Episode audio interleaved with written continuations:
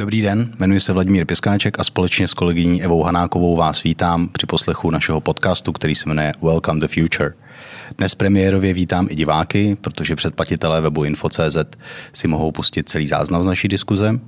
A když říkám diskuze, tak je zřejmé, že budeme mít hosta a jako vždy to bude výrazná osobnost, které se budeme ptát nejen na přítomnost, ale hlavně na budoucnost. Protože naši hosté možná neumí budoucnost předvídat, ale na základě svých znalostí a zkušeností ji rozhodně umí očekávat. Nebo představíš hosta? Tak já z diváky zdravím též, je to naše premiéra, tak je to krásné a hosta představím velice ráda, protože naším dnešním hostem je jedna z nejvýraznějších tváří českého biznesu a současně podle mého skromného hodnocení také jedna z nejvýš postavených českých top manažerek. Vyrůstala na Kubě, její otec byl Kubánec, který studoval v Československu a zamiloval se tu. Vrátila se do Česka, když jí bylo 12 let, po rozvodu rodičů. Vystudovala stejně jako já VŠE v Praze a hned po jejím ukončení nastoupila do firmy Deloitte. Tam je až do dneška. A co tam vlastně dělala? Od začátku začínala na postu asistenta auditu a postupně se propracovala až na post úplně nejvyšší. Takže od roku 2016 je řídící partnerkou eh, českého Deloitu, ale kromě toho řídí strategii firmy pro celou Evropu z pozice, pokud si dobře vzpomínám, Chief Strategic Officer což jí dělá, jak už jsem zmínila, eh, opravdu jednou z nejvíc postavených eh, českých manažerů, a nebudu říkat jenom manažerek, ale manažerů vůbec. Tak a teď jako trošku lifestyleu, co miluje náš host. Tak náš host miluje dobré jídlo a víno. Zajímá se o technologie, skvěle vaří, famózně zpívá a tančí, což je logické, protože pochází z Kuby. Jako dítě dělala balet a stejně jako její syn a manžel je nadšená sportovkyně, protože náš host pravidelně každý den běhá. A to, že jí v žilách kuluje kubánská krev, poznáte i podle toho, jak neustále pořádá večírky a různé párty, teda pokud není covid samozřejmě, pro svoje blízké a přátele. A podle toho, jaká je hostitelka, protože je opravdu velice, velice, velice dobrá hostitelka. A můžete se vsadit, že když vás na takovou party pozve a řekne, přijď, bude to jenom taková malá sešlost, tak tam bude minimálně tak 200 lidí. A O jedné věci nechci mluvit, ale já to stejně prozradím, doufám teda, že se na mě nebude zlobit. Náš host každý měsíc, nebo každý měsíc, pravidelně dává podstatnou část svého příjmu na charitu pomáhá dětem. A co mi teda přijde opravdu krásné, že i třeba tím, že jezdí dělat animátora na dětskou onkologii. Takže se prosím seznamte, to je Diana Rádl-Roherová. Ahoj všem. Hezký den. Diana, děkujeme moc, že jsi přijala naše pozvání. No já děkuji a děkuji za takový nádherný úvod. To teda, to mě to úplně jde. dojalo. To mě úplně dojalo. Takže děkuji. Eva je expert na naše úvody a protože ti hosté naši jsou velmi, velmi zajímaví, tak ty úvody jsou skvělý.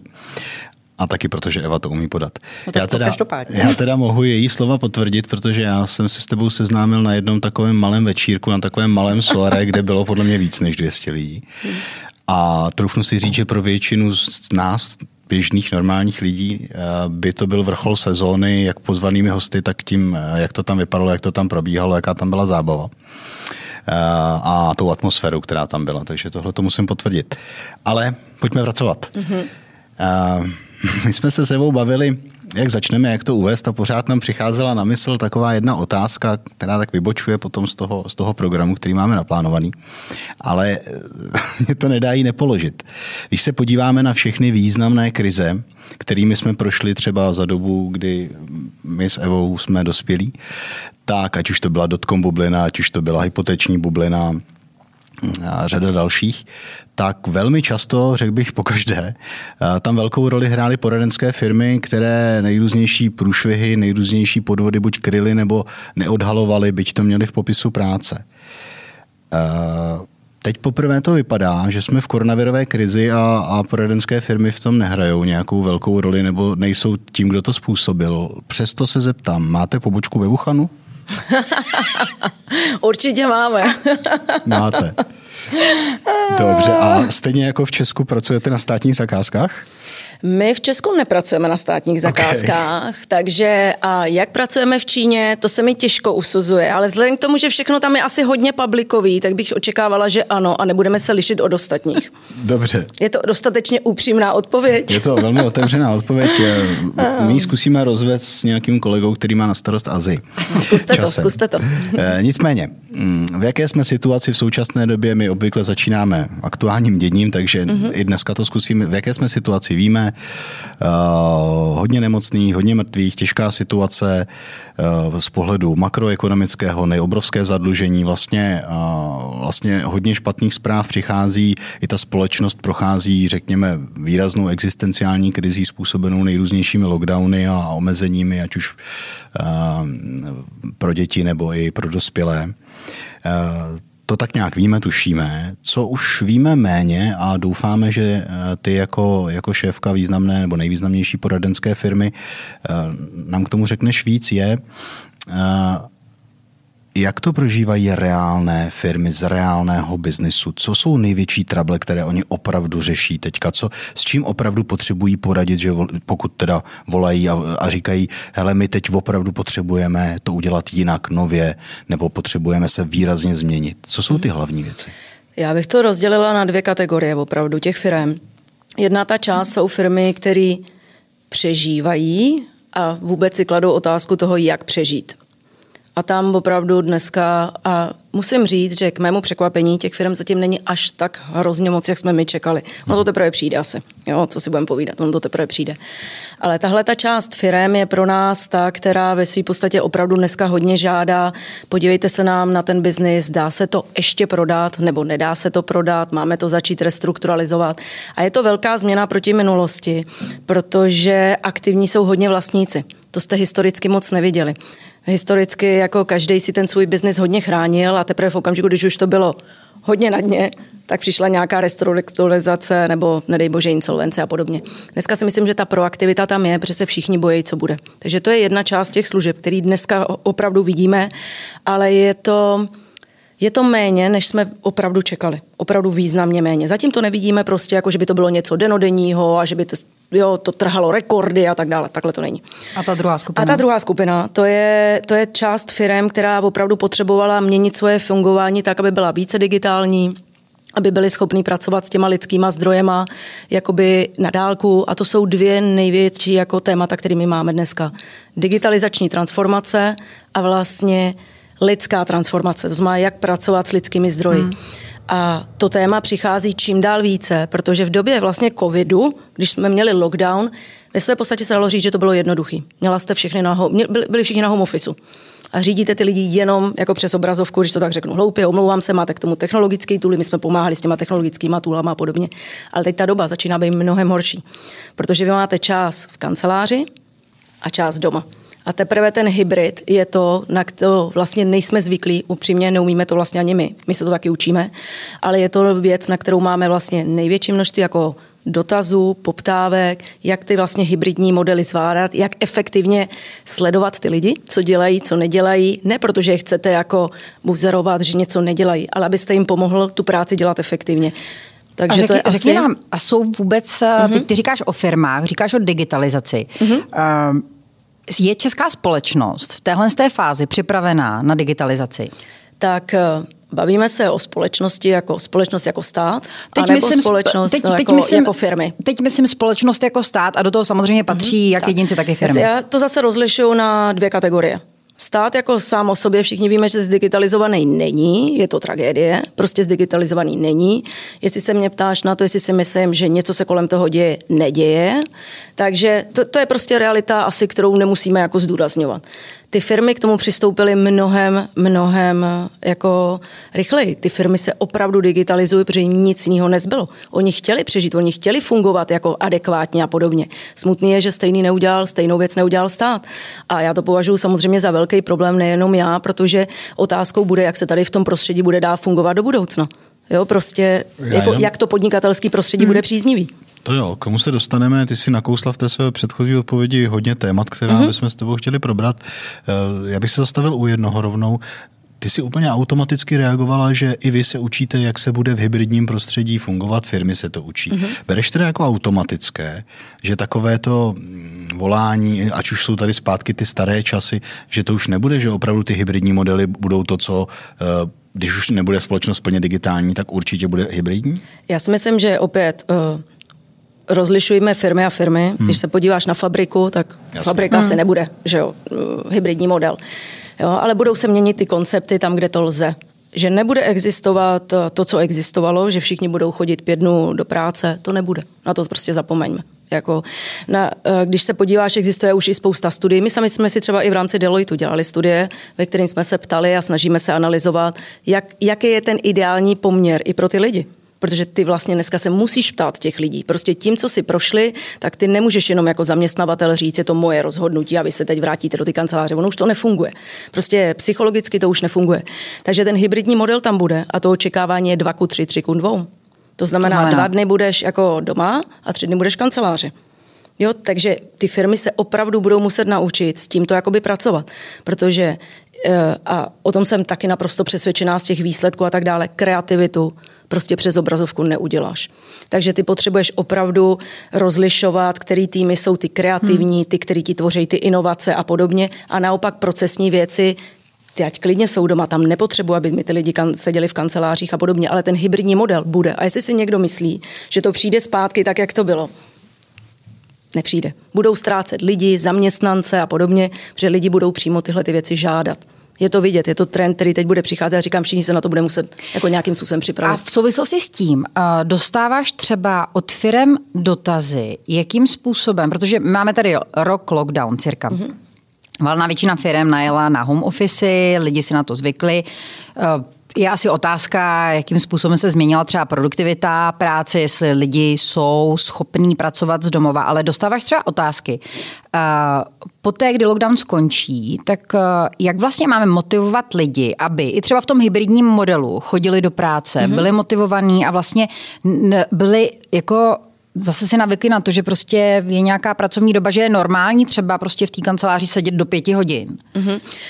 Ty otázky dostáváme, protože ta, jak jsem říkala, ta efektivita dneska jako opravdu klesala. Jo, ty lidi, než jste se naučili jako pracovat přes tou obrazovku, já nevím jak vy, ale když jsem byla doma poprvé, tak jsem opravdu měla co dělat, abych vstala, učesala se, ustrojila se a sedla si k tomu počítači. No, jsem já jsem projela Netflix jo? a viděla jsem dost seriálů na Netflixu. No.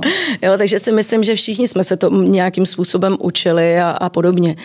A ty otá- tu otázku opravdu dostávám, jak, jakoby, jakým způsobem jakoby motivovat co dělat pro to, A jak aby... ty lidi motivuješ a ty? my ty motivujeme, sama. a teď, a to je, to jsem, to, tam jsem chtěla dojít, já si myslím, že to je hrozně jako daný kulturou té firmy a jak se ty lidi cítí, když se vracejí zpátky do té kanceláře, jaký tam mají vlastně možnosti v té kanceláře, jak se tam cítí. Jo, to znamená, hrozně je to individuální. Budeš mít lidi, který ať uděláš cokoliv, tak prostě jsou víc introvertní, nechtějí, vlastně jsou zvyklí a vlastně jsou rádi, že nemusí pracovat v týmech a podobně.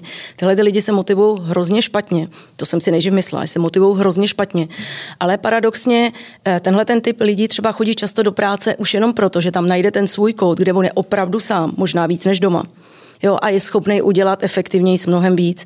Takže já si myslím, že ta, to není, není o tom, že já můžu motivovat každého toho člověka nebo skupiny těch lidí, aby se vraceli. Já fakt jako pořád si stojím za tím, že mně se povedlo, a nejenom mě, mým kolegům a nám se povedlo, vytvořit tu kulturu v tom Deloitu takovou, že ty lidi se vlastně těší, že se potkávají.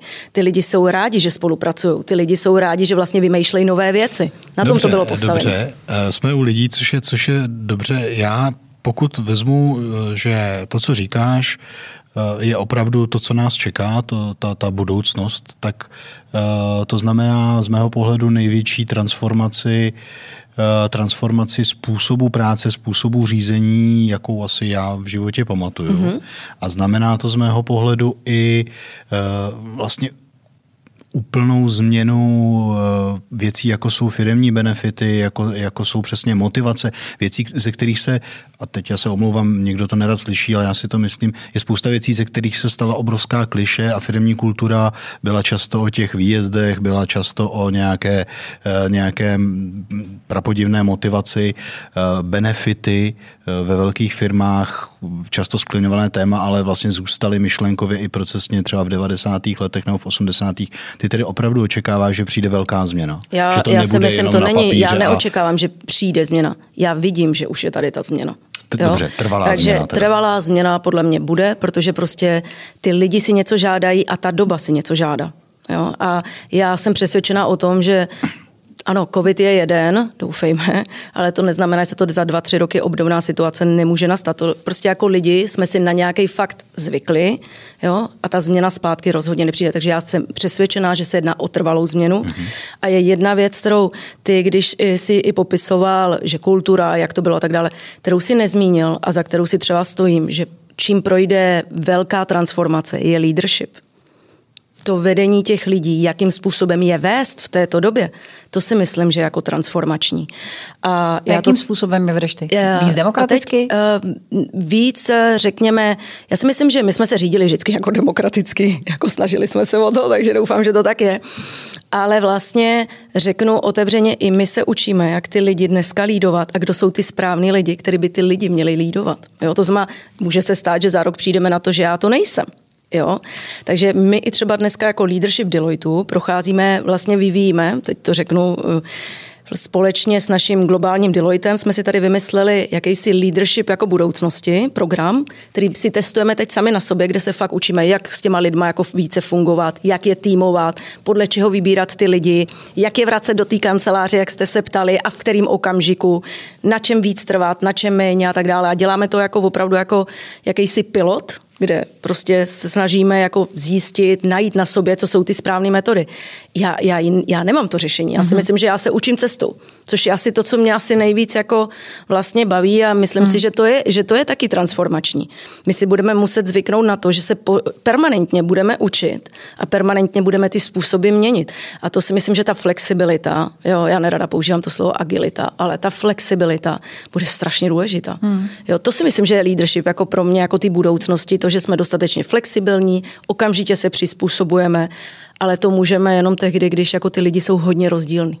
Vládě na začátku položil vlastně tu první otázku, na co se tě uh, firmy nejvíc ptají, mm-hmm. Jaka, co vlastně s čím chtějí nejvíc uh, pomoct a ty si to rozdělila na dvě skupiny ano. firm. A v té odpovědi si zmiňovala, že tady nejde jenom o covid, ale že vlastně ta změna, kterou procházíme v posledních letech, ta, ta změna byla vlastně vyvolaná už digitalizací Přesně a prostě nástupem to technologií. To akcelerovalo. A mhm. ty, eh, když se podíváš na svoje klienty, eh, můžeš uvést nějaký konkrétní příklad tradiční firmy nebo tradičního oboru, který vlastně ještě před tou krizí, teď myslím covidovou krizí, procházel poměrně velkou uh, transformací nebo opravdu obdobím fatální předměny. Hlavně díky nástupu nových technologií a ta krize, ten přerod firmy jenom uh, do těch nových pravidel vlastně razantně akcelerovala. Dokážeš říct jako nějaký příklad konkrétní firmy, která se s tím opravdu popasovala hrozně dobře? Mm-hmm. Tak uh, já bohužel musím říct, že nesmím zmiňovat firmy, takže tak obor, obor, obor, obor, obor ti ráda řeknu. Určitě to je automobilový průmysl, tam my vidíme spoustu firm, která se opravdu velmi rychle teď transformovala. I, i v tom, jak i kvůli řetězcům a všemu.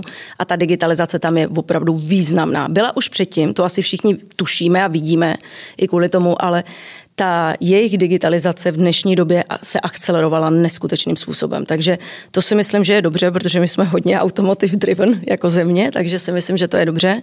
Otázka, jestli si to myslí jejich zaměstnanci. O, otázka, jestli si to myslí jejich zaměstnanci, správně, ale myslím si, že to je jeden z těch oborů. Ale třeba uvedu i který jako obor, který je vlastně jako zřejmý, ale málo kdo si to vlastně jako hodně uvědomuje, což je třeba potravinový, potravin, pot, nemyslím jako klasické potraviny, ale takový malo jako obchod. malo obchody a tak dále. Vemte si ten jejich switch najednou, který museli jít do toho onlineu. To byla obrovská digitalizace. Spousta těch obchodů jako nebyla zvyklá, vlastně změnila ty svoje procesy a veškeré tady ty věci, změnila i způsoby skladování zboží. To je obrovská dis, di, eh, jako digitalizace. Protože najednou jste sledovali, že prostě ukládali zboží podle toho, kde se co objednávalo. Dřív to prostě bylo na prodejně nějakým způsobem, dneska ta digitalizace a vlastně využívání spousty dat u těch firm se akcelerovalo. A to si vlastně jako my jako běžný zákazník nevidíme, neuvědomujeme, ale to jsou třeba dva obory, kde já vidím obrovskou změnu, ale jako pozitivní změnu. Jo, a toto nemají lehký, co si budeme povídat v tom druhém případě, jak kteří, ty, co jsou hodně onlineoví, to je jiná věc, tam ty technologie, ale ty, co byli zvyklí na ten standardní způsob, tak ta změna byla takhle. To, co dřív nešlo, najednou šlo. A když bychom zůstali u těchto oborů nebo ano. u některých dalších, které tím prochází tím samým, co říkáš. Uh, Evidentně ty si použila totiž minulý čas, že jí prošli, to znamená, oni za ten rok opravdu stihli se posunout a výrazně zdigitalizovat to, co dřív neměli nebo nechtěli dělat. Řada z nich odmítala online obchody, odmítala mm-hmm. online nakupování kvůli maržím, mm-hmm. kvůli dalším důvodům. To znamená, uh, když sleduješ tu proměnu, zase tam se, je to podle tebe trvalá věc, nebo se budou snažit naše zvyky, naše návyky dostat zpátky a, a vlastně uh, jakoby zbrzdit ten skok k tomu, řekněme, online obchodu, k tomu hmm. velkému rohlíku, k tomu, že už nikdy nikam nebudeme chodit a všechno budeme dostávat autem v krabici? Já nevěřím tomu, že se, že se vrátíme zpátky a že by hmm. většina těch firm chtěla jít způsobem, eh, vraťme všechny ty zákazníky do těch obchodů. Určitě bude snaha, aby zákazníci chodili. Ale myslím si, a je to jedna z věcí, na kterou dneska i my dostáváme hodně otázek právě z tohoto typu firm, je, jak vytvářet tu lojalitu ke značce. Protože vlastně, když se nad tím jakoby já zamyslím i z těch otázek, které dostáváme, tak bych to viděla tak, že i oni uvažují tak, že dneska ty prodejny spíš bude takový ten zážitek, kam přijdeš opravdu a budeš si chtít vytvořit nějakou, jako, já nevím, jak to mám říct, story k té značce a to je teprve před nima. To je ta cesta, která je čeká, protože sami si uvědomují, že dostat ty lidi zpátky plně do těch obchodů, to už ne. To už, to už nenastane taky.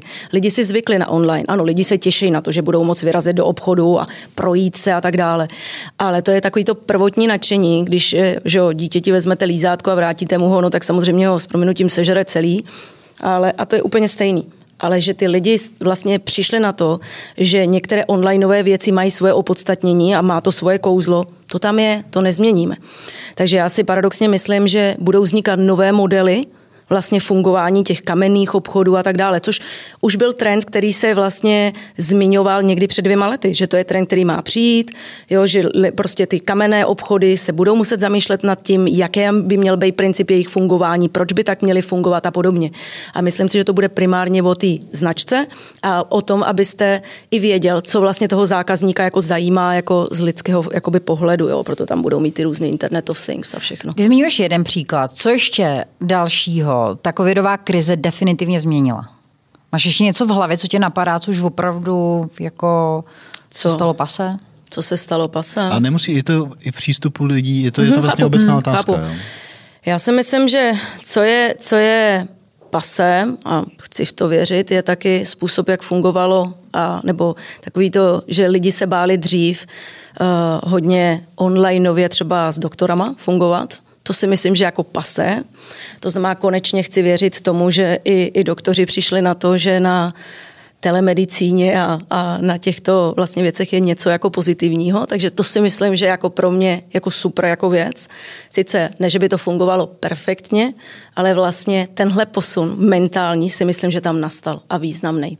Jo, a to pro mě, to znamená to, co bylo dřív, je za mě opravdu pase. Spousta doktorů si uvědomila, že vlastně i ten zaplať pámbu za její recept, že jo, když se nad tím hmm. zamyslíme. Jo, takže vlastně to je třeba věc, kterou já považuji za pase. S čím mám mnohem větší od, eh, jako problém mentální je, že za mě pase pořád ještě není školství, je víš, že já prostě to téma, jako pro mě to je obrovský téma a to mě třeba strašně trápí, protože já bych si fakt hrozně naopak přála v tom školství, jsem doufala, že to bude ta mm, možnost využít hybridní model a opravdu pomoct těm dětem v, těm, v tom hybridním modelu ale to školství vlastně není uchopený správně. Jo, to školství prostě, to není online. To, co dneska vidíme, to není onlineová výuka škol, školská, tak by neměl fungovat. Jako... A jak by teda mělo fungovat ideální? ideální? Měli bychom se vrátit k těm základům, škola hrou mm-hmm. a tudíž i ten online udělat tím způsobem, aby to pro ty děti bylo atraktivní. Nezapomeňme, že děti dnešní umějí využívat neskutečným způsobem technologie a my to vlastně dostatečně s nima přes ten jakoby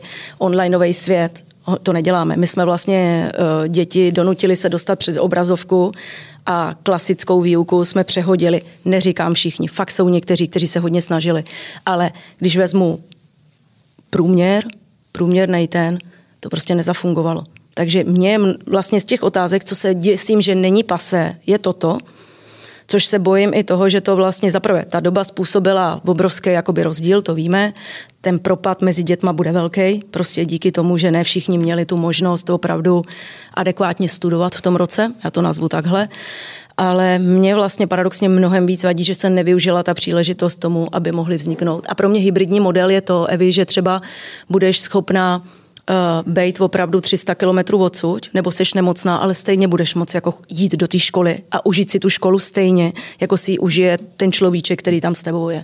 Já vím, že ty vlastně v, teď spolupracuješ na jednom takovém projektu, teda nevím, jestli to můžeš prozradit, uh, s jednou školou v Česku, mm-hmm. kde mm-hmm. připravujete vlastně nějaký model. My, eh, to není tak, že bychom spolupracovali. Hybridního, hybridního vzdělávání my, do my, my nespolupracujeme se školou, ale v své podstatě chceme spolupracovat s několika vybranými učiteli a s uh, několika řediteli škol, takhle to nazvu, ve kterým chceme opravdu ukázat, jak takový hybridní model by měl vypadat. To znamená, vytváříme to kurikulum, vytváříme ten, tu, tu technologii, to znamená, snažíme se ukázat, že každý předmět se dá učit jinak, to znamená, vybrali jsme si x předmětů a tenhle ten projekt chceme spouštět někdy v září.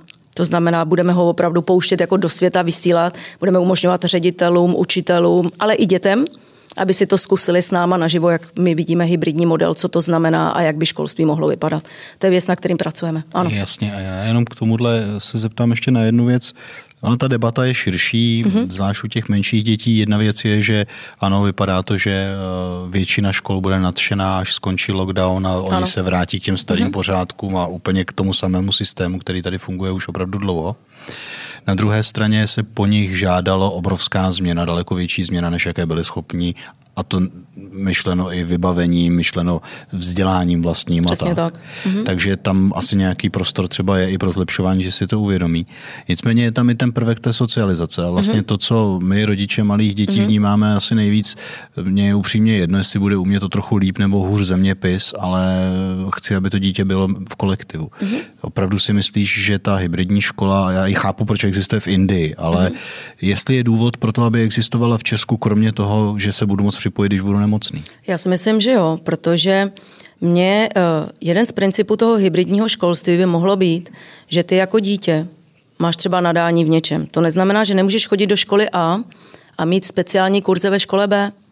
To by měl být princip toho hybridního školství, že to akceleruje ty věci, které ti opravdu jdou, které tě baví a podobně. To znamená, to není jenom o, o tom, že jsi nemocný, jak jsem já zmínila, jako, ale je to i o tom, že prostě ti to pomáhá si už jako dítě vlastně um, jo, prostě vybrat něco, co by si chtěl studovat, víš, že na to je jinde škola, proč by ses nemohl k ní připojit.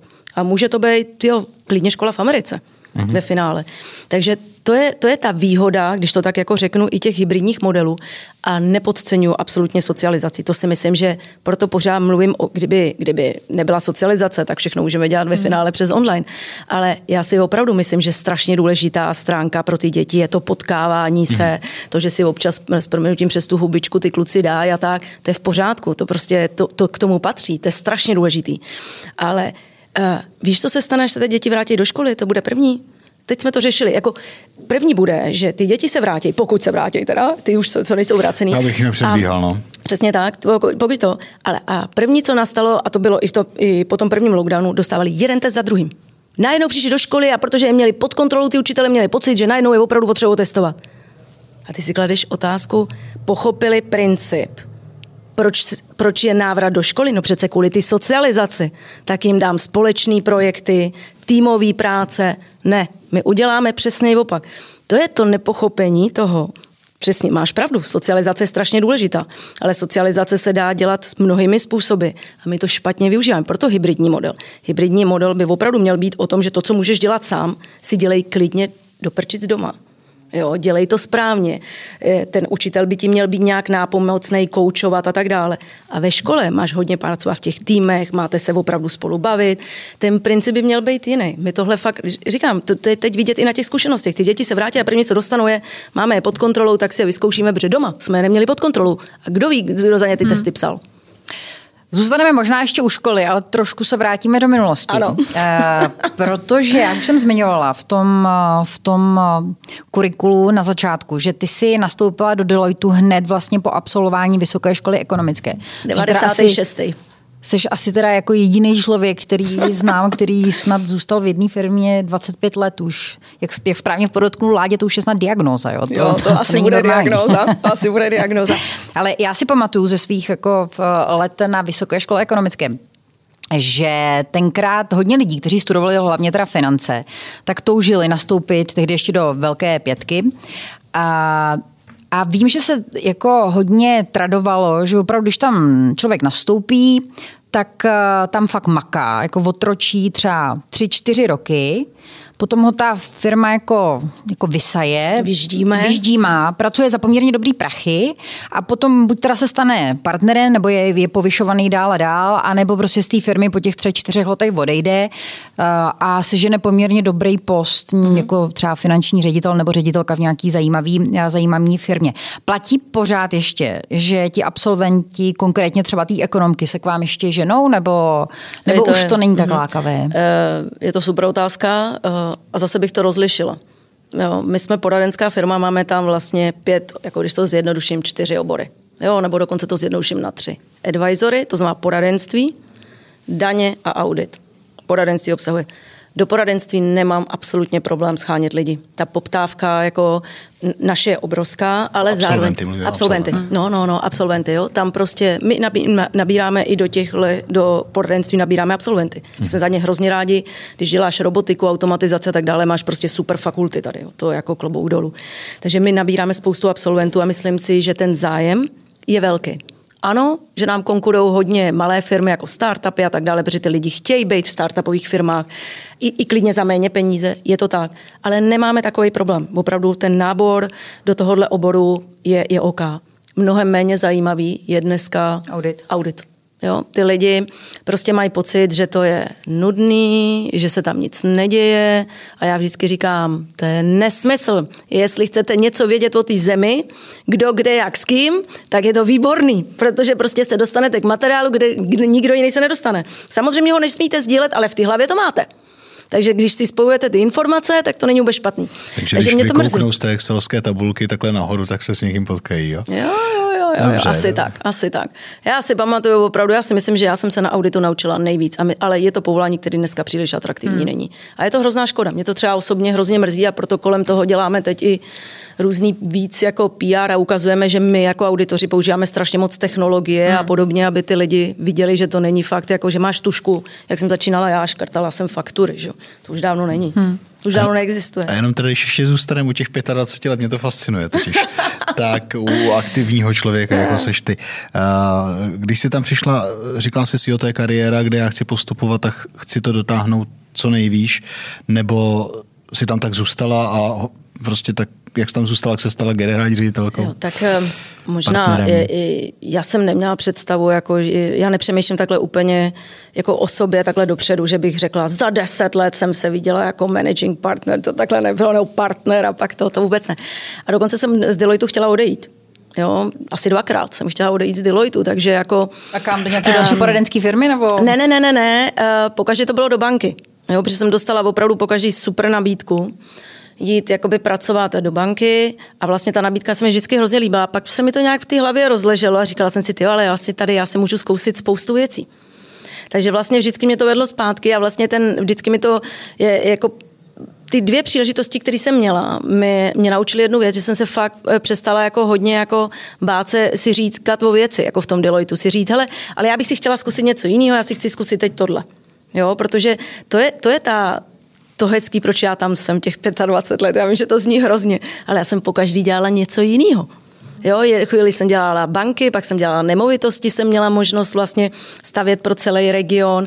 I, i, i to, když jsme dělali, já, já vždycky říkám, kdybych třeba neměla tu možnost, většina ví, že my jsme hodně pracovali třeba jako na těch nemovitostech na, na ty cenových mapách, že jo, cenové mapy org, to byl vlastně startup, který jsme dělali, takže já jsem měla možnost si vytvořit vlastně v Deloitu jako startup a teď jsme zkoušeli, jestli to bude fungovat, nebude fungovat. To je přece super. Já si pamatuju, když Lubor Žalman odcházel z Raiffeisen mm-hmm. Bank, tak měl takový pěkný citát, eh, že si víc váží člověka, který před jeho bankou má stánek s párkem v rohlíku, než generálního ředitele té banky a že si chce zkusit vlastně jako podnikat, mm-hmm. což uh, zkusil. Uh, jsou poradenské firmy, McKenzie typicky, ze kterých lidi buď pokračují, anebo odchází dělat si vlastní startupy a vlastní biznesy. Vlastní biznis tě nelákal někdy? Pro mě tohle je můj vlastní biznis. Okay. Já to pořád říkám. Jako prostě pro mě to je můj vlastní biznis. To není tak, že mi ho někdo dává. Já si ho musím sakra tvrdě vytřít. Já si ho musím prodat, Jo, a mm-hmm. mám z toho samozřejmě benefity jako mm-hmm. vlastník. Jo, ten partnership opravdu funguje na tom principu, proto to je partnership, že sice manažujeme tu firmu, mm-hmm. ale zároveň jsme spoluvlastníci. A to, je, to, to, to není opravdu tak, to, je, to si musíš prostě vytřít. Musíš ty služby prodat, uživit ty lidi. Ano, stojí za tebou obrovský v úvozovkách, velký jako další kapitál, který když se něco děje, tak tě podrží. To je obrovský benefit, mm-hmm. bez zesporu. Jo, bez zesporu. Zase to má jiný negativní limitace. Jo, takže a, a to je přesně, to je, všude je chleba o dvou kůrkách, ale pro mě to je můj biznes. Tak mi řekni. Ale jestli bych chtěla jít dělat malý startup, no. chtěla, furt o tom přemýšlím. Vždycky si říkám, hmm. musím, budu jednou přemýšlet o variantě hmm. B. Jo, prostě nevidím důvod, proč ne. Až prostě budu mít pocit, že už jsem tomu Deloitu dala dost, hmm. anebo že mě má dost, tak, eh, tak možná to bude ten nejvyšší já, čas. Já jsem to nemyslel ani tak proto, jestli člověk nějak se uplatňuje, nebo jestli hmm. něco řídí, nebo vlastní, jako má, ale spíš proto, že ta dynamika a ty procesy jsou ve velké firmě úplně, úplně odlišné než je to, a, a to, je, to je naprosto, já jsem tu otázku i takhle chápala a uvědomuju si to, proto jsem říkala, že to má svoje plusy Jasně. a mínusy, hmm. protože uh, bavilo by mě, a to, to můžu říct uh, hrozně otevřeně, abych tady furt chtěla něco uh, ekvajrovat a nějaký týmy a dělat některé věci, ale udělat to v rámci té organizace není jednoduchý. Takže prostě někdy, anebo vymyslíme věc, a to taky, to se nám taky stává, vymyslíme věc, která je prostě fantastická, fakt fantastická. A ty pak přijdeš přes veškerý risk management eh, procesy, že ji v to nemůžeš dělat.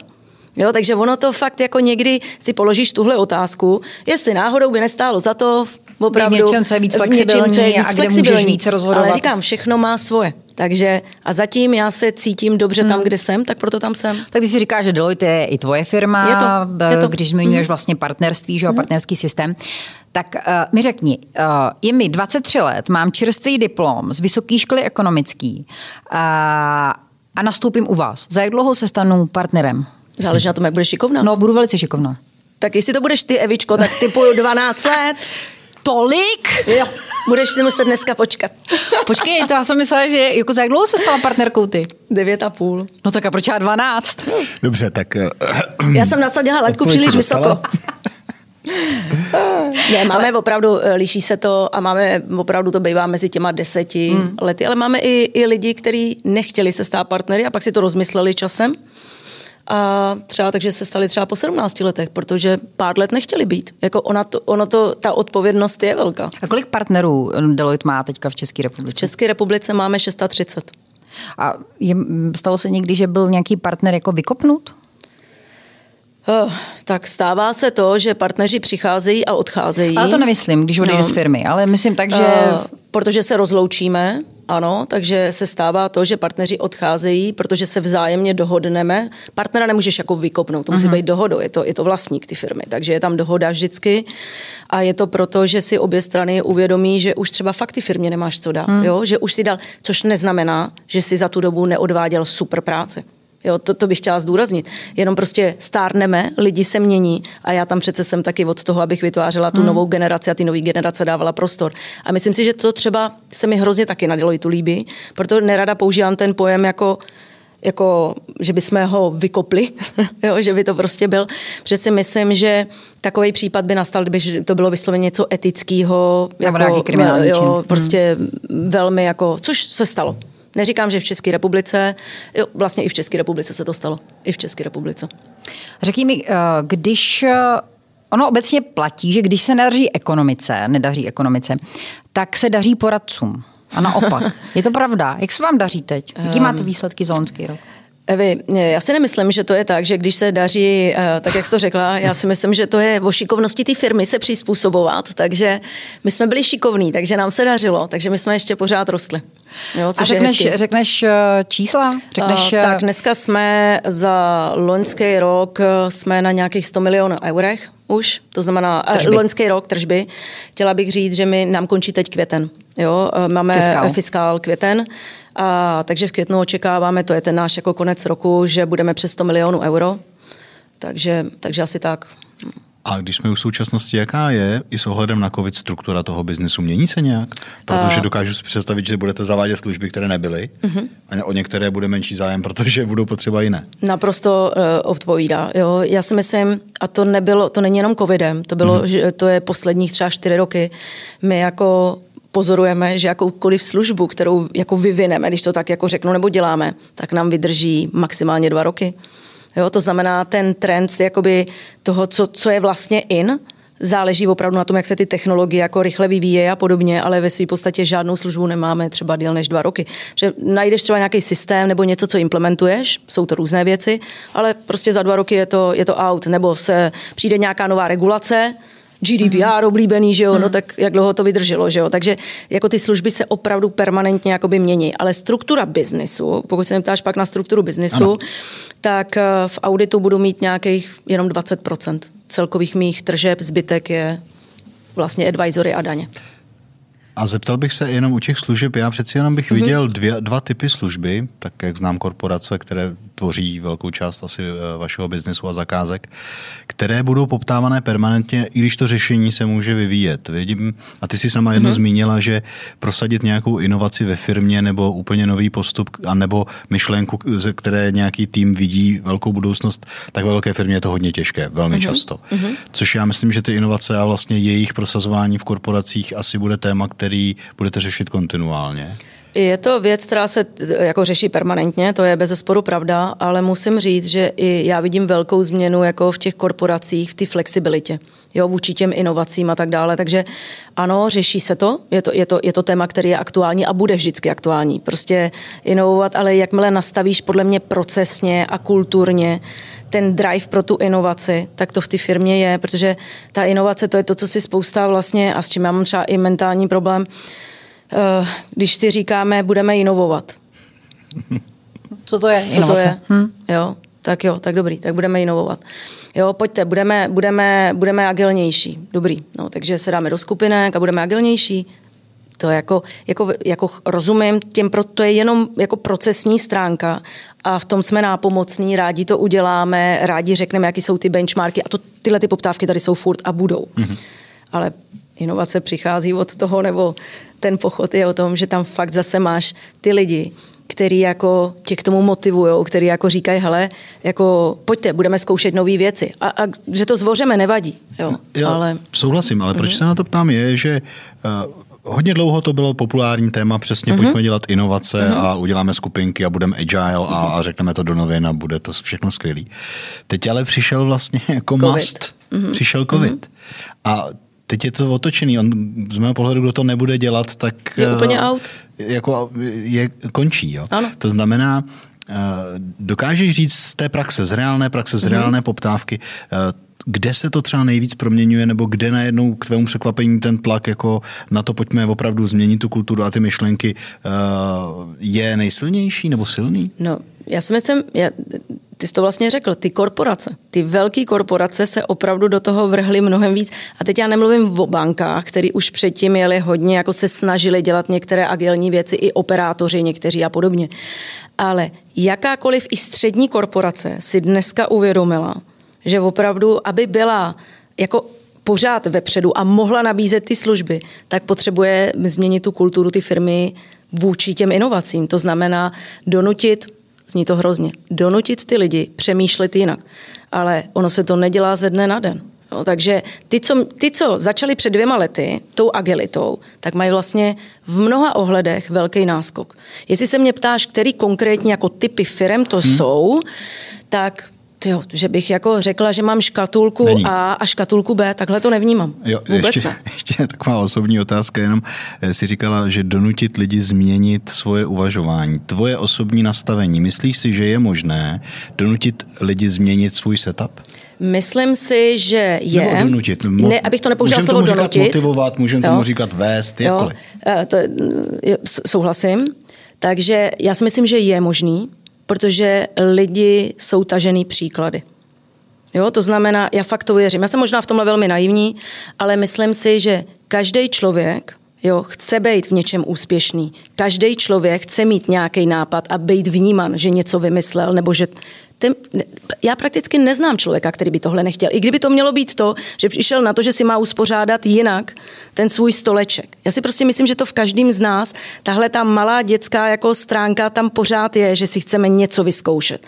Každý jiným způsobem. A já si myslím, že eh, příklady táhnou. Když vidíš, že to dělal tvůj kolega, tvůj jakoby nadřízený, tvůj podřízený, tak se často zamýšlíš na to, proč bys to nemohl zkoušet ty, nebo jak pomoct tomu který možná má víc těch nápadů a podobně, aby ty si byl součástí takového celku. Já si myslím, že to je fakt o příkladech. To znamená- Takže donutit, říct těm lidem, hele, běžte a přineste něco nového, takhle ne. To znamená, eh, když říkáš příklady táhnou, že eh, tvoje rada, pokud za tebou přijdu, řeknu, mám tenhle problém, bude, pojďme to zkusit příklady a ne, pojďme se podívat na to, eh, jestli se to nedá řešit radikálně, razantně. Ano. Bude spíš, pojďme to Bude, zkusit pojďme to příklady. zko- zkusit příklady. A řeknu, eh, já to můžu uvíct na nás. Mm-hmm.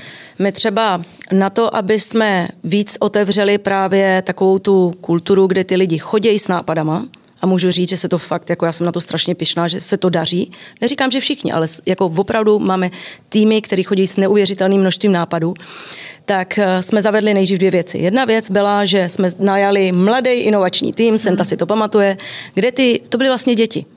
Ale děti jsou nedotčený spoustou věcí a vlastně permanentně chodili za těma biznesovými lidma a ptali se jich, a proč děláte tyhle ty věci takhle? A proč to děláte takhle? A já bych to dělal takhle. A vlastně ty lidi to začalo nutit přemýšlet, proč ty věci nedělat jinak. To byl první krok.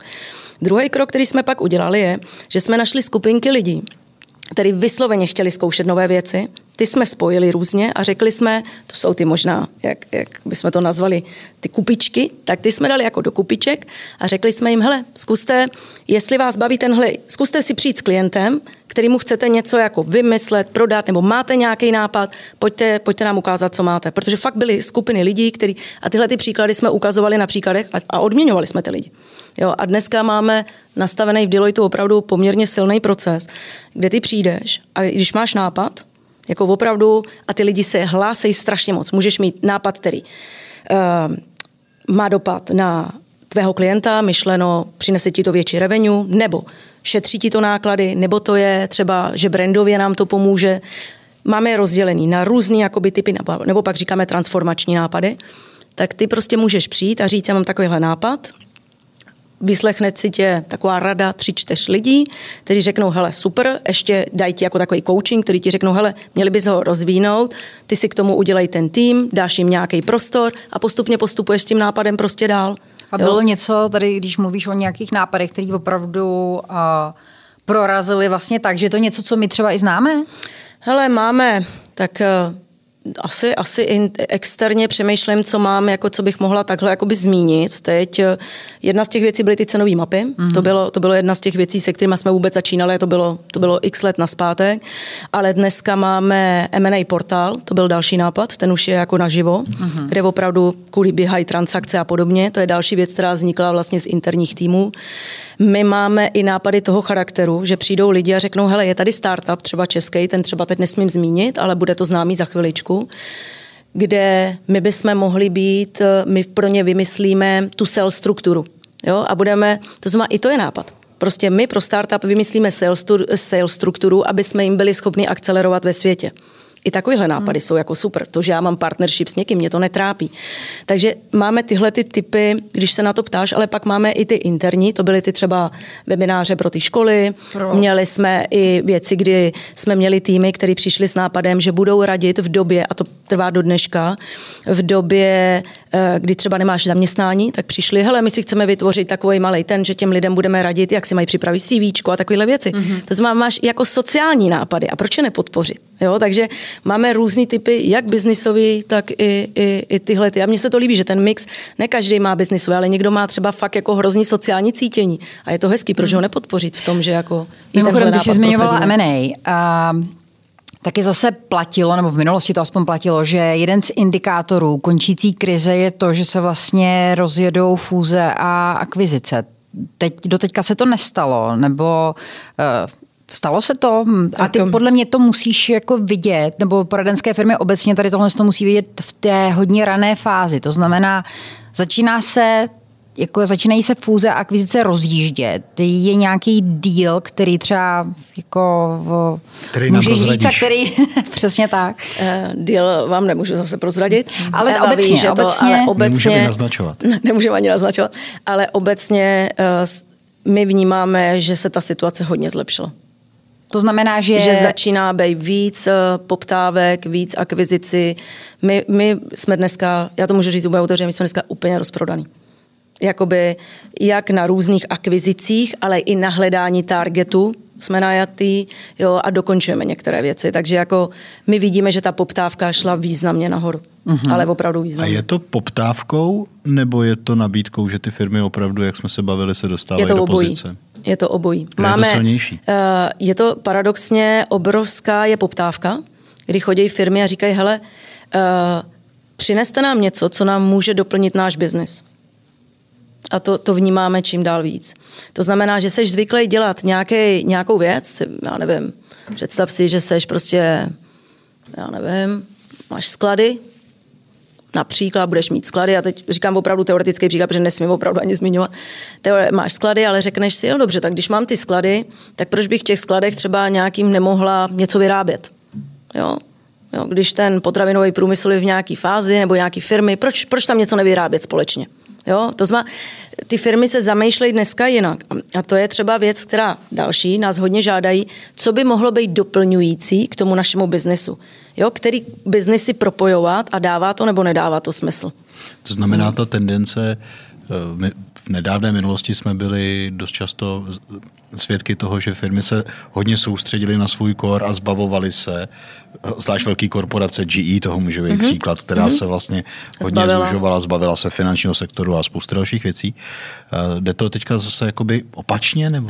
Já si nemyslím, že to je o tom, že by se to pro ně mělo stávat core businessem. Přemýšlej, mm-hmm. jestli to, že doplnějí něco, mm-hmm. jim tu službu, kterou mají aktuálně, neakceleruje dál jo, ale nepřemýšleli touhle cestou. To je to, co my vidíme. To znamená, je to pořád součástí, stává se to součástí toho core businessu. Jasně. Jo, to není tak. Nemluvila jsem o případech, že bych třeba byla já nevím, eh, banka, to je jednoduchý, že jo, a začala kupovat nemovitosti. Mm-hmm. Takhle jsem to nemyslela. Jasně. Jo? Ale prostě díváš se do odvětví, kde jsi předtím nebyl, protože jsi si nikdy nepoložil otázku, jestli by to pro tebe nemohlo být přínosný. A COVID nám otvírá oči v tom, Ako, že, v tom že prostě najednou se spojují to věci. nespojitelné věci. A to si myslím, že opravdu začíná ho dobře fungovat.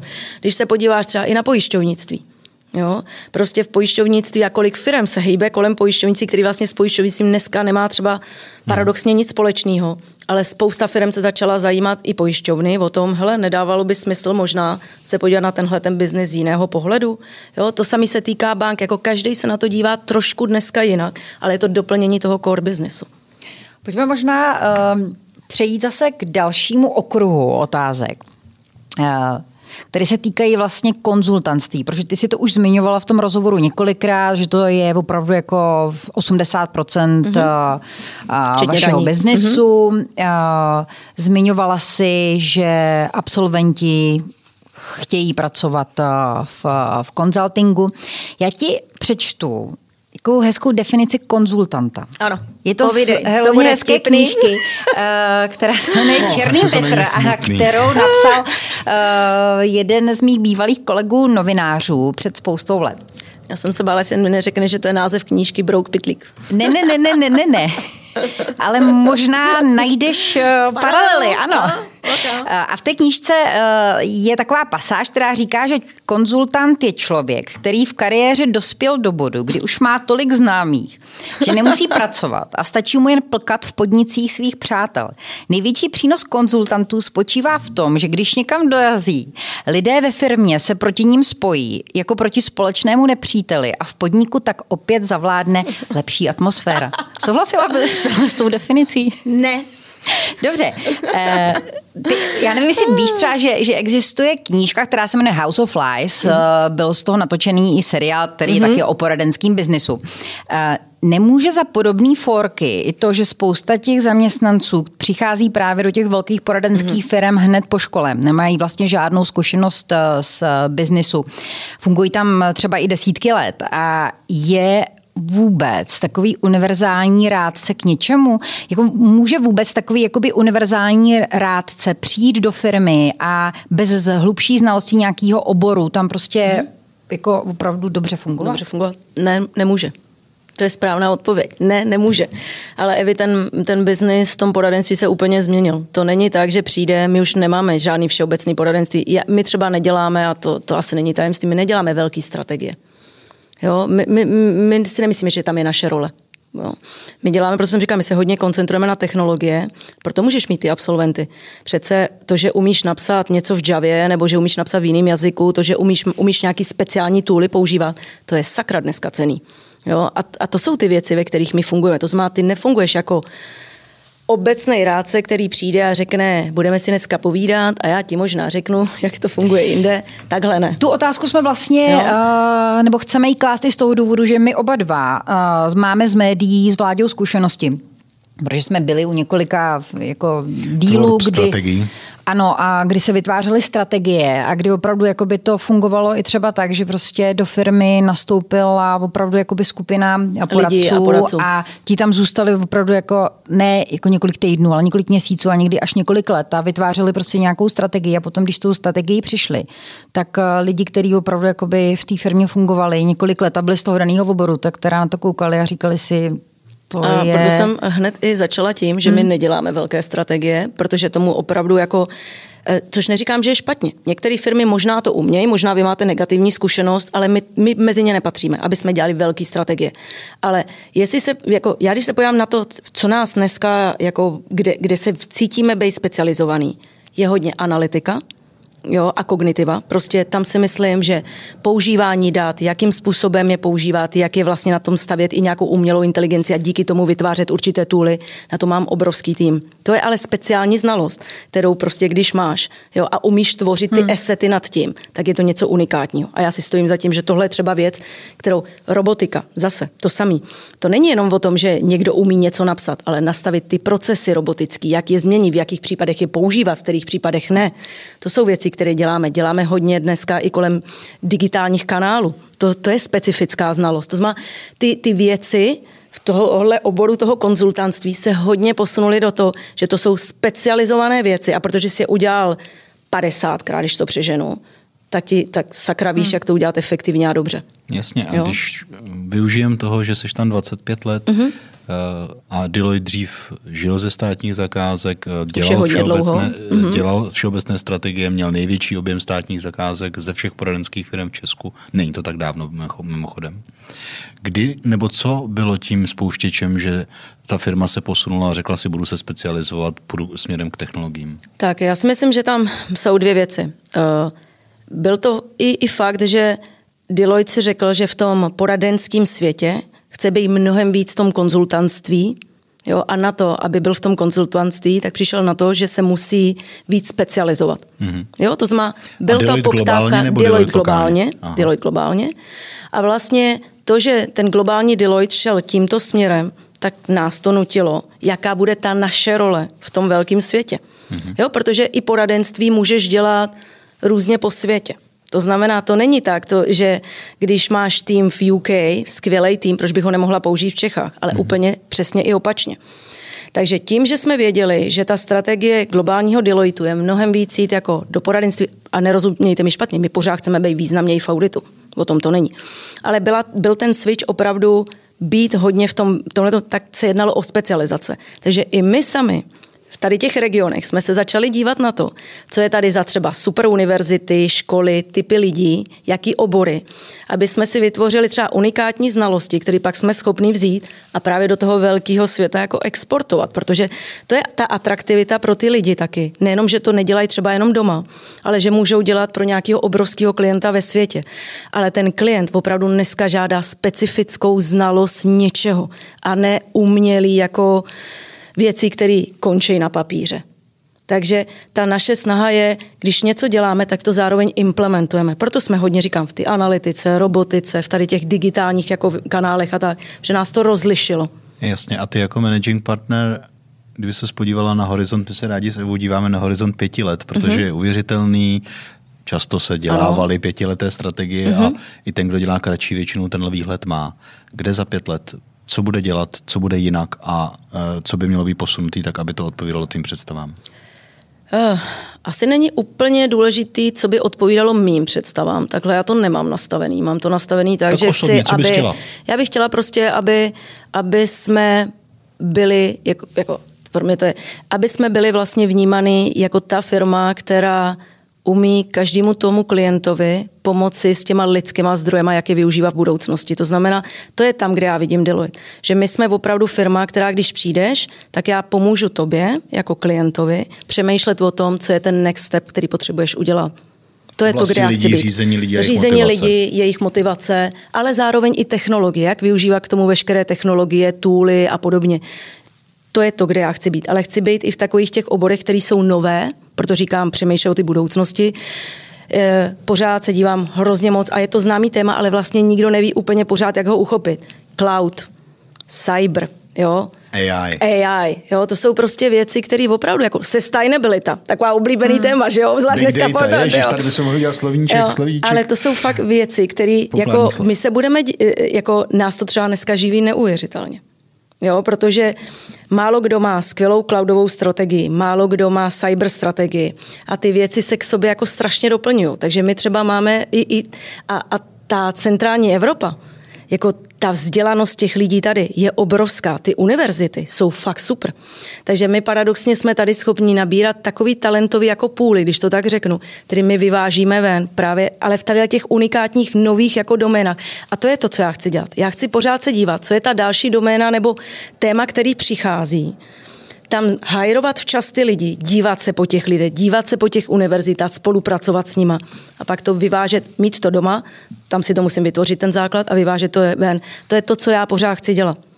To se ne, strategicky se mi tohle jako v hlavě nemění. Ty vlastně uh, s Deloitem dlouhodobě děláš uh, a sleduješ uh, vlastně rychle rostoucí technologické firmy, firmy. nové mm-hmm. firmy, startupy, které se objevují na uh, českém trhu hlavně. Uh, v tom žebříčku, který vychází a který se týká mm-hmm. střední Evropy, tam se ty české firmy umístějí opravdu jako Skvěle. hrozně dobře. Hrozně dobře. Uh, ty s nima spolupracuješ, sledujete ty firmy několik let. Uh, budete investovat i do těch startupů? Jako Deloitte? To je, Evi, my bychom hrozně rádi. Ale není to možný. A, ale prakticky my nemáme tuhle možnost, to je věc, kterou třeba pořád řešíme i globálně, jak tohle dělá, protože my máme takzvaný Deloitte Venture, v některých zemích, což jsou jakési fondy, kde když si řekneme, s tímhle klientem v životě nebudeme dělat audit, tak třeba vyvíjíme některé společné věci. A takových klientů máme x. Jo? A pak máme ty partnershipy a podobně. A to jsou třeba i startupové věci. To nejsou jenom jako jo, velký korporace a podobně, ale máme pak i velký jako partnershipy jako s velkýma korporacemi. Ale máme i pár startupů, se kterými takhle třeba spolupracujeme. Ale musíme si tam jasně říct, s nimi třeba v životě nebudeme dělat audit. A to je ten největší problém. My jsme hrozně rádi investovali do těch vlastně startupových firm a tak dále, ale my jsme strašně limitovaní nezávislosti, ale úplně šíleně. A ta nezávislost to není jako tak, jenom že protože s ním děláš, že s ním nebudeš moc dělat audit.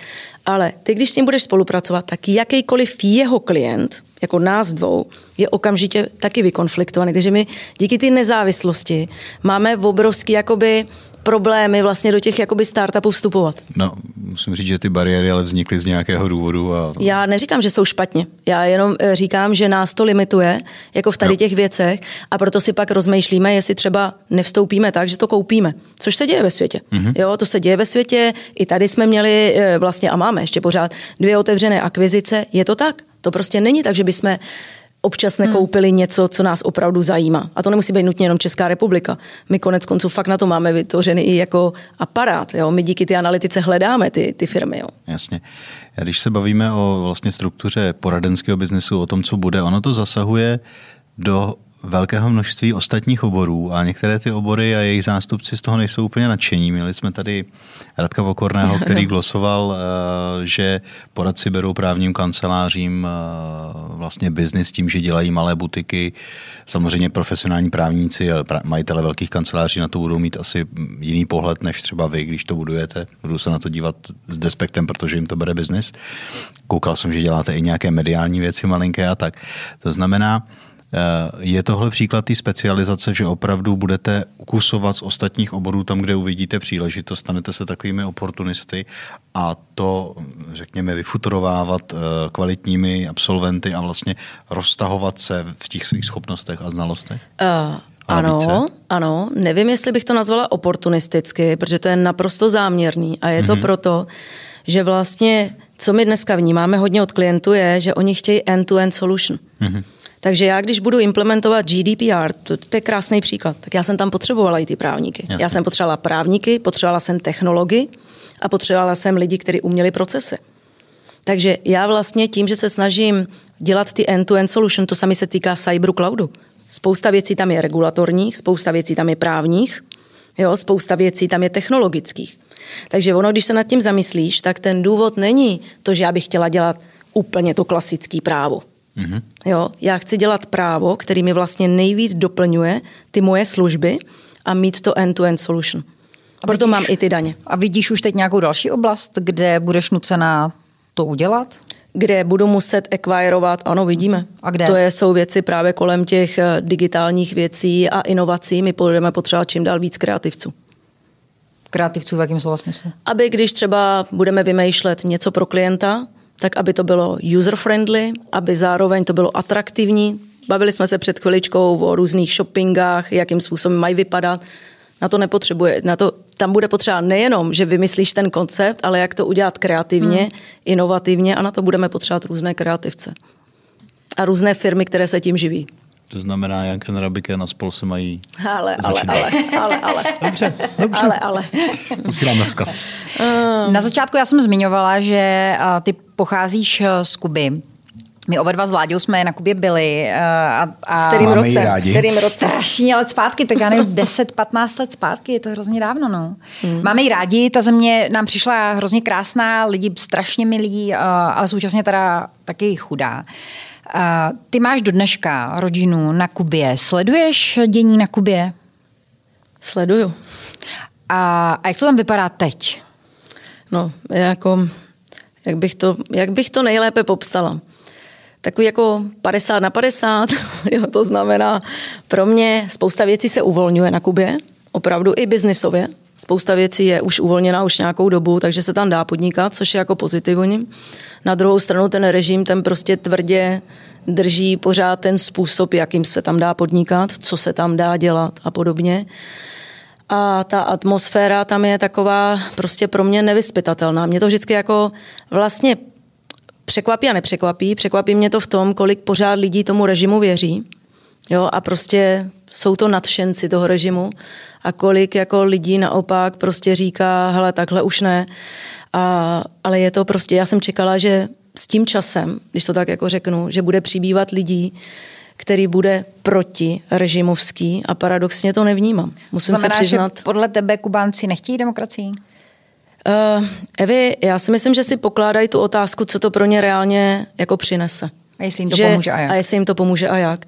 Protože když jsi ostrov a všechno, představ si situaci, že opravdu všechno najednou uvolníš. Co nastane? Jo? A čeho já se bojím opravdu, a říkám to otevřeně, je to, že bude to skoupený cizím kapitálem, to znamená, ta země přestává vlastně být sama sebou. Jo? A to je toho, čeho oni se bojí. Protože a bude ti, a dobře, a teď já jsem rozhodně pro demokracii, aby jsme si nerozuměli špatně, ale rozumím tomu pohledu, že si budeš klást otázku, když tohle jako nastane, jestli ty si polepšíš. Budeš mít s proměnutím co do huby, a budeš mít na to, aby tvoje děti chodily do školy a měly zdravotní systém? A Kubánci se srovnávají se zbytkem Latinské Ameriky. Podívej se na hmm. Panamu, podívejte se na Haiti. Jo? A otázka moje zní, mám já vůbec jako to právo jim říkat, co jako, že nade vše je ta demokratická svoboda. Já si myslím, že to je volba každého toho jako člověka, proto je to demokracie. A já si myslím, že oni jsou pořád v tomto stádiu, kdy vnímají ty věci jo, tak, že vlastně se srovnávají s tím, co je u nich srovnatelného. My jsme tu situaci fakt měli jinou. A ty osobně, eh, až padne režim, uh-huh. Chceš se na Kubu vrátit? A teď nemyslím opravdu jako tak, že bys plánovala, že by se tam rozhodla žít, ale vrátit i tak, eh, že ty tam určitě máš potenciálně mm-hmm. nějaký, nějaký majetky, mm-hmm. nebo chceš tam třeba investovat, chceš tam jako rozjíždět biznis, plánuješ uh, to? Tak my už se o to snažíme, že jo, hodně, takže ano, to bez zesporu, ale uh, žít bych tam asi v tomhle okamžiku si, nej, si neumím představit. Jako musím se přiznat, že ne, ale že bych chtěla vlastně v tom jsem asi hrozná taky, ale že bych chtěla prostě mít tu možnost i jako tam podnikat aktivnějc, ty zemi možná pomáhat a těm lidem, to by se mi třeba líbilo. To musím říct, že to zase jako, jako kdybych mohla, kdyby ten režim tam nebyl, tak možná by mě tam táhlo to, jak jako pomoct trošku jako ty země, jako víš, jako jaký pomoc, jako to by se mi asi líbilo. To možná zase, jo v tomhle asi nějaká část ty Kuby tam prostě mi v tom srdci jako mám a hrozně by se mi to líbilo, prostě, protože vím, je, je to tam hrozně rozporuplný a myslím si, že ta změna fakt bude vyžadovat lidi, kteří mají nějaké zkušenosti. Hmm. Tak to bych mohla přinést. Dobře, tak jo a děkuji moc. Na závěr Připravil jsem si pár jenom takových rychlých otázek, které jsme neuměli nějak zařadit. To zajímalo by nás rychlá odpověď. Jestli to zkusíme. Žena na vysokém postu. Eh, kvóty pro ženy ano nebo ne? Ne. Vůbec ne? Často ne. ta odpověď bývá, no záleží to. Ne, já jsem proti kvótám. Protože jsi tu pozici musela Ne, protože si, to, protože si myslím, že každá žena by si pak musela pokládat otázku, jestli je dostatečně schopná, nebo jestli to dostala kvůli kvótě. Takže vlastně je, je, já si prostě myslím, že uh, nepotřebuju kvóty a stojím si za tím. Prostě musím naopak pomáhat těm babám, těm ženám si dostatečně věřit, pomáhat jim v tom si říkat o ty věci. To je, to je ta role, která by tam měla být pro nás všechny. Hlavně muže, jo, v tomhle pomáhat, ale proti kvótám jsem. Nevěřím jim. Dobře. Existuje nějaká snová firma nebo obor, pro který jsi ještě nepracovala, kdyby si chtěla uh, s něčím pomoct? Ano, pro vesmír.